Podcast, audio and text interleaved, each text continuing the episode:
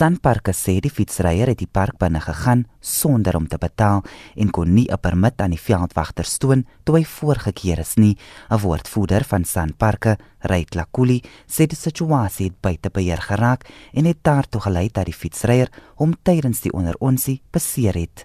According to their statement, Nick was quite aggressive towards them and uh, they tried to, you know, calm him down and uh, ultimately arrest him.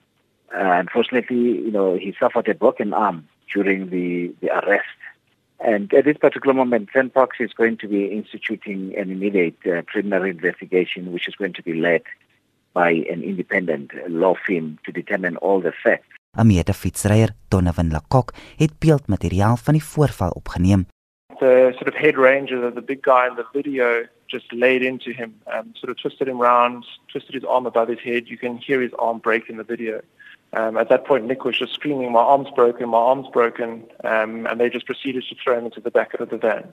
He was not aggressive. He wasn't resisting, or um, just as a point, those rangers are notoriously aggressive. The reason why I went up to the scene is because I know those rangers and I know that they're aggressive. Die Weskaapse premier, Ellen Windy, sê daar is geen verskoning vir die manier waarop Klamini hanteer is nie. Dit is tragies. Sy loopbaan, uh, hy moes nou volgende maand toer aan Inde gaan doen uh, Tour de France hierdie jaar en nou het ons gesien ek dink dit is totaal onaanvaarbaar hoe sy arm gebreek was en hoe hy gaan hanteer was. Ek vra vir 'n volle ondersoek uh, by Sandpark. Klamini sou aanstaande maand aan die Tour Down Under fietstoer in Australië deelneem.